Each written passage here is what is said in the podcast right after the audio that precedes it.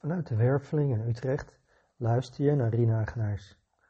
We hebben de eerste maan en maand van het jaar 2022 alweer achter ons gelaten. Nu zijn we aangeland in de maan van rust en reiniging. Een volle maan op 16 februari. Een korte maand deze keer met maar 28 dagen. De natuur verkeert nog voor het grootste deel in een diepe stilte al hoor je ochtends al wel de eerste vogels fluiten. Ook de dagen worden alweer een beetje langer en de stad begint weer wat te gronzen nu de horeca weer open is. Wanneer we kijken naar de maand februari in onze voorspelling voor 2022, dan wordt het een maand van rustig aan ons ding doen. Een maand van gewoon zijn. Het is ook de maand die onder de realm van de koning en de koninginnen staat.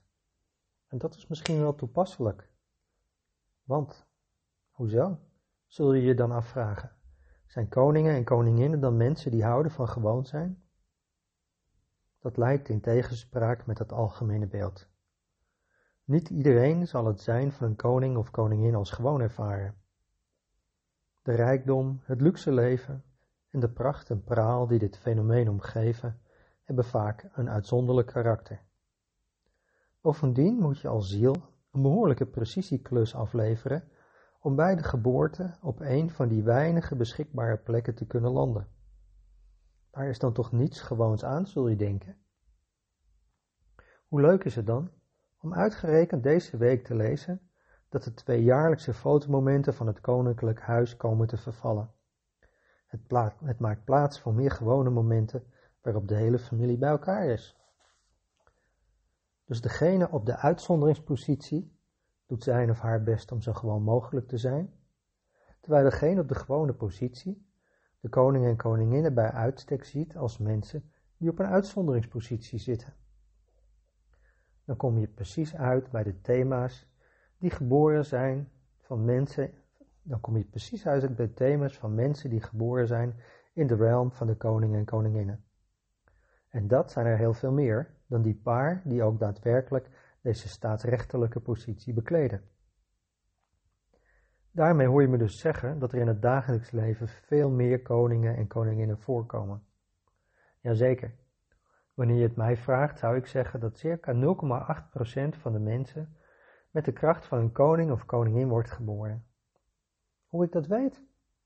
Kom dan maar naar onze volgende conferentie van onvoorwaardelijke liefde op 3 april of bekijk onze site www.hetmagischhart.nl.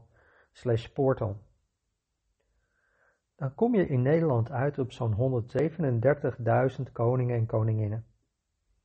En slechts een paar daarvan krijgen de formele erkenning die daarbij hoort. Wat is dan de kracht van een koning of een koningin? In de eerste plaats herken je die aan het vermogen om gemakkelijk het wel en wee van grote groepen mensen te kunnen overzien. Het regeren van een koninkrijk zit als het ware in de sporen van hun ziel. Dat gaat gepaard met een grote mate van betrokkenheid en liefde voor het eigen volk. Dat heeft weer te maken met het vermogen om als geen ander energetisch grote velden van menselijke gevoelens te kunnen doorvoelen. Ze zitten dan ook vaak als een spin in hun web. Aan de andere kant is dat ook iets wat mensen bij een koning of koningin kunnen voelen. Waardoor er, vanuit het volk, ook een soort stille waardering of loyaliteit bestaat naar hen toe. Bij elkaar genomen is dat een fijne combinatie van krachten die maatschappelijk best van grote waarde kunnen zijn. Wellicht heb je jezelf al eens de vraag gesteld: wat maakt dat het fenomeen koningshuis er nog steeds bestaat in deze tijd? Immers, Anno 2022 na Christus zijn er nog steeds 27 op erfelijkheid gebaseerde koningshuizen, bij veel beslist niet onbelangrijke landen. Rationeel gezien is de macht die wordt verkregen op basis van geboorte een weinig logisch principe. Deels kan het waarschijnlijk bestaan omdat de koningshuizen hun macht baseren op invloed via wetgeving en hun bezit. Maar misschien is er ook nog wel een andere verklaring voor te vinden.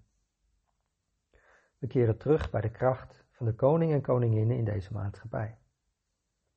Daarbij draait het dus om hun vermogen om het wel en wee van grote groepen mensen te kunnen voelen en een richting aan te kunnen geven. Je zou ze kunnen zien als mensen die als geen ander in staat zijn om als een stem van het volk te kunnen spreken.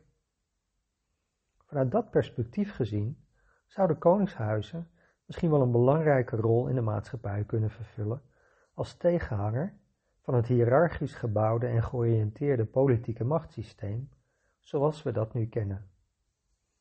Zie het maar als een koningshuis, als een soort ombudsman van het volk, maar dan een met echte macht. Juist in een tijd als waar we nu leven, zou dat best interessant kunnen zijn om eens rustig over na te denken. Maar laten we nog even terugkeren naar die 136.998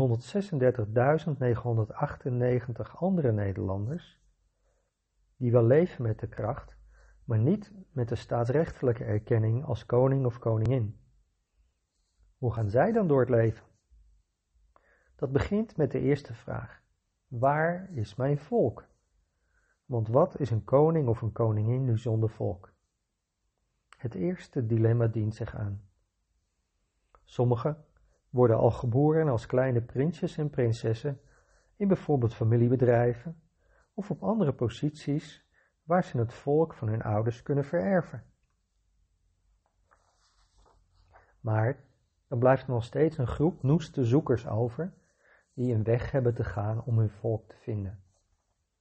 Vaak wachten we niets anders dan de ladder van carrière, om al klimmend te ontdekken welk volk bij hen hoort. Een hachelijke klim, want je kunt zomaar een groot deel van je leven daarmee bezig zijn.